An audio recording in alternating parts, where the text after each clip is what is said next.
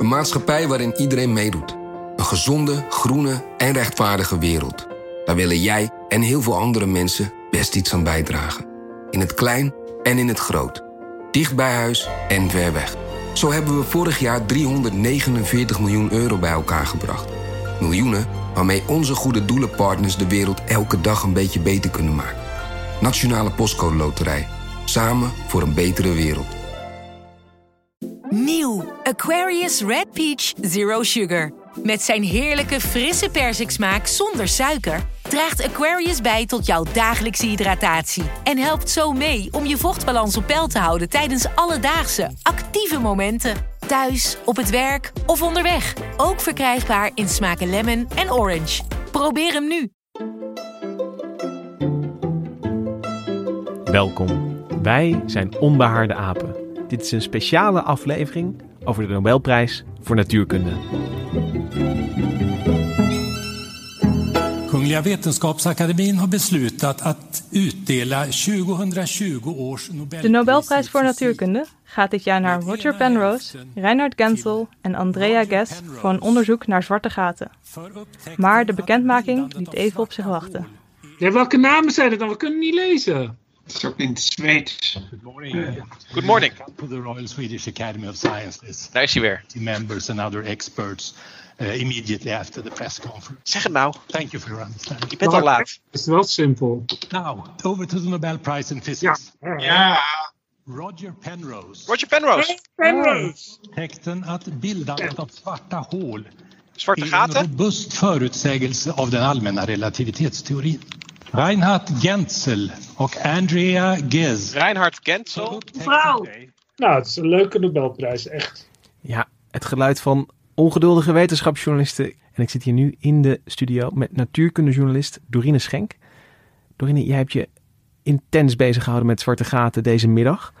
En toen ik hoorde zwarte gaten dacht ik, ja, daar kan ik me iets bij voorstellen. Tenminste, dat denk ik altijd als ik denk aan een zwart gat. Maar als ik dan wat dieper door ga denken, dan raakt dat zwarte gat toch steeds meer buiten mijn bereik. Dus ik wil heel graag aan jou vragen. Kun je ons nog één keertje vertellen, wat is een zwart gat precies? Ja, zwarte gaten komen natuurlijk voor, veel voor in science fiction. Dus iedereen heeft wel een beetje een gevoel bij een zwart gat. Dat je ze niet helemaal kan bereiken is misschien goed. Want eh, zwarte gaten zijn gevaarlijk als je veel te dichtbij komt. Het zijn ontzettend spectaculaire objecten in het heelal.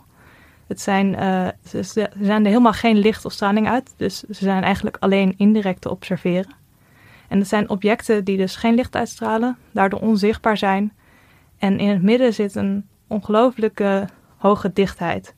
En daardoor is de zwaartekracht eromheen heel sterk. Dat betekent dat er een soort bol of een schil van eh, omheen zit. En als je daar eenmaal overheen bent, over die waarnemingshorizon zoals die heet, dan kom je er niet meer uit. Dan word je onvermijdelijk eh, naar binnen gezogen. En wat ik dan altijd zo ja, bijna poëtisch vind, is dat zelfs het licht kan op dat moment niet meer ontsnappen. En een, een, een lichtdeeltje, dat, dat heeft zelf nauwelijks massa, dat weegt bijna niks. Het weegt helemaal niks. Het weegt helemaal niks en toch wordt dat het zwarte gat ingezogen. Hoe, hoe, hoe kan dat? Dat komt omdat eh, zwaartekracht een bijzondere kracht is. Het is eh, eigenlijk zo dat een zwart gat de ruimtetijd om zich heen kromt. En daardoor bijvoorbeeld wordt licht ook afgebogen door zware massa's. Dus een lichtdeeltje kan niks anders doen dan het pad volgen dat de ruimtetijd voor hem uitgestippeld heeft. Dus die volgt de lijnen van de ruimtetijd. En dit, in het geval van een zwart gat verdwijnen die lijnen eigenlijk in een soort, ja, als je het tweedimensionaal tekent, in in een gat eigenlijk. In het niets. Dus onvermijdelijk volgt hij dat pad naar die singulariteit, naar het midden van dat zwarte gat. En voor iedereen die, ja, voor astronomen die de hemel willen afspeuren naar dit soort interessante objecten, is dat het, het, grote probleem dus is dat je er niks van terugkijkt. De meeste objecten in het heelal die laten iets van zich horen, of het nou een radiosignaal is of, of iets in het infrarood. Maar van het zwarte gat krijg je helemaal niks. Nee, het zwarte gat zelf zendt dus helemaal geen straling uit. Dus de enige manier waarop je het kan zien is door, ja, door die kroming van de ruimtetijd die die realiseert. En soms, als je veel geluk hebt, dan uh, heeft hij ook een kolkend hete schijf van materie om zich heen. Van een, bijvoorbeeld een ster die, of andere materie die naar zich toetrekt en die langzaam het zwarte gat in verdwijnt. Zo'n schijf draait er dan omheen en wordt langzaam verdwijnt langzaam het zwarte gat in. Maar die schijf is zo heet door alle draaiing en wrijving dat die licht en straling uitzendt. En dan wil ik nog één dingetje weten van ehm, als het gaat over zwarte gaten en, en ze klinken zo oppermachtig. En dan vind ik het verbazingwekkend dat ze eigenlijk geen ruimte innemen. Hoe groot is een zwart gat? Ja, een zwart gat, eh, de grootte van een zwart gat bepaal je meestal door die waarnemingshorizon. Omdat dat de grens is van waar je niet meer daaruit komt. Zelfs niet als je een lichtdeeltje bent. En eh, hoe zwaarder, dus hoe meer massa een zwart gat heeft, hoe groter die waarnemingshorizon. Dus hoe groter het zwarte gat zou je kunnen zeggen.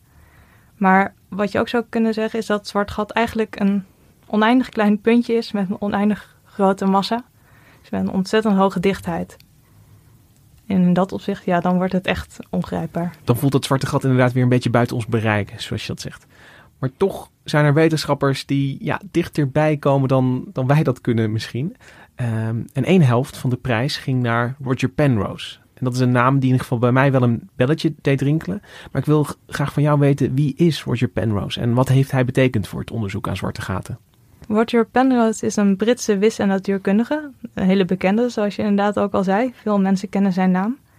Hij heeft uh, in de jaren zestig deed hij uh, vrij bijzonder werk aan de zwaartekrachtwetten. Dus de algemene relativiteitstheorie van Albert Einstein. Daar heeft hij hele mooie wiskunde op toegepast. Of wiskundige modellen voor gebruikt. En dat was eigenlijk best bijzonder, want in die tijd was deeltjesfysica, kernfysica, misschien ook halfgeleiders voor computers, dat soort dingen waren in. Dat werd veel gedaan. En ja, zwaartekracht en die algemene relativiteitstheorie van Albert Einstein, die alweer uit het begin van de 20e eeuw kwam, die, dat was niet zo hip. Maar hij ging er toch mee aan de slag. En hij ontdekte dat uh, de algemene relativiteitstheorie, dat het eigenlijk heel natuurlijk is dat daar zwarte gaten als oplossing uitkomen. Want het was wel al bekend dat een bepaalde oplossing van de algemene relativiteitstheorie leidde tot zwarte gaten, tot gekke objecten met oneindig hoge dichtheid. Maar iedereen dacht eigenlijk dat het een beetje exotische oplossing was en dat het iets theoretisch was en dat de natuur wel een oplossing zou vinden om dat niet werkelijkheid te maken. Maar hij liet zien met zijn wiskundige modellen dat als je hele normale aannames doet over het universum, eigenlijk al hele normale dingen over de materie om ons heen, hele aannemelijke dingen, dat het dan eigenlijk onvermijdelijk is dat zwarte gaten echt bestaan. Dat in ons heelal allerlei zwarte gaten te vinden zijn. En daar sprak ik ook vanmiddag ook over met de reeds natuurkundige Robert Dijkgraaf. Het is goed te realiseren dat ja, zo, je komt daar niet zomaar. Het is een lange weg. Ja, dan moeten op een gegeven moment moeten mensen uh, besluiten om de juiste afslag te nemen. Om, uh, om, zodat die weg verder kan. En dat is iets wat uh, Roger Penrose en ook Stephen Hawking deden begin jaren 60. En het is ook wel eens een keer fijn voor mij als theoretische natuurkundige. Om te zien dat, uh, we zeggen bij alle gelegenheden, we hebben twee geweldige theorieën. De theorie van de kwantumtheorie en de theorie van relativiteitstheorie. Uh, er zijn tientallen Nobelprijzen gegeven naar de kwantumtheorie. Uh, maar eigenlijk is dit wat mij betreft de eerste echte theorieprijs voor relativiteitstheorie voor zwaartekracht. En ja, dat, uh, dat, dat herstelt die balans een klein beetje. Dijkgraaf noemde hier nog een andere naam die ik ken, namelijk die van Stephen Hawking. Um, werkte Penrose en Hawking ook echt samen aan, aan, aan dit onderwerp? Ja, die werkten zeker samen. Het begin dus de eerste, begin jaren zestig waren de eerste berekeningen deed Roger Penrose vooral alleen. Maar later heeft hij heel veel samengewerkt met Stephen Hawking en heel veel aan de theorie van zwarte gaten. En zoals Dijkgraaf eerder in ons telefoongesprek en ook zoals an, ook andere theoretische fysici tegen mij zeiden, het is eigenlijk heel verdrietig dat Stephen Hawking nu al dood is. Want anders zou hij zeker gedeeld hebben in deze Nobelprijs. Dan heb je dus eigenlijk dat, dat theoretische fundament dat er ligt door Hawking en Penrose. Dat is fijn, maar een, een theorie is een theorie. En als die theorie voorspelt zwarte gaten bestaan en ze zijn waarschijnlijk niet zo heel gek, dan wil je er ook eentje zien of vinden, lijkt me. En dan komen we uit bij de tweede helft van de prijs voor Cancel en Gas. Dan ben ik wel benieuwd wat zij hebben gedaan. Ja, het is eigenlijk heel mooi hoe deze ene helft van de Nobelprijs, die theoretisch is, geflankeerd wordt door een Nobelprijs voor observaties. Want Cancel en Guest, die hebben beide, uh, gaven ze leiding aan een team van astronomen die observaties deden aan het centrum van onze Melkweg. En in het centrum van de Melkweg, uh, dat is vrij lastig om te zien. Er is een hele hoop gas en uh, echt miljarden sterren in onze Melkweg. Dus daar moet je allemaal doorheen kijken. En correcties toepassen op je observaties om maar te zorgen dat je kan zien wat er in dat centrum gebeurt. En wat ze zagen was een aantal heldere sterren in het centrum, met, die met een echt absurd, duizelingwekkend hoge snelheid banen om het midden draaien. En dat is een beetje vergelijkbaar met de planeten die om de zon draaien. Die maken van die elliptische banen. Nou, zoiets doen de sterren in het centrum van de Melkweg ook. En dat betekent dat er dus iets in het midden moet zijn. Want bij ons is dat de zon. De zon, daar draaien de planeten omheen. En in het midden was het iets wat onzichtbaar was. Maar aan de hand van die banen konden ze afleiden dat het iets was wat ontzettend zwaar moest zijn. Veel meer, 4 miljoen keer zo zwaar als de zon. En dan kom je eigenlijk binnen de natuurkunde die we kennen, kun je er bijna niet omheen. Dat moet een zwart gat zijn. Nou, zo sterk was het natuurlijk niet, want uh, het is ook heel netjes geformuleerd dat ze de Nobelprijs krijgen voor een super zwaar en compact object in het midden van de Melkweg. Dus ja, in theorie zou het nog steeds iets anders kunnen zijn, maar er is inderdaad geen verklaring wat het wel zou kunnen zijn.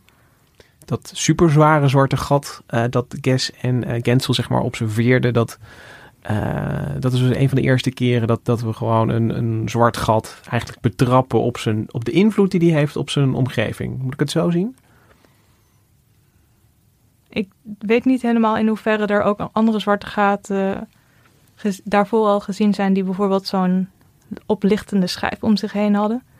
Waardoor ze ook al een beetje een aanwezigheid verraden. Maar het is in elk geval een hele mooie demonstratie uh, van de aanwezigheid van zo'n super zwaar zwart gat in het midden van een sterrenstelsel.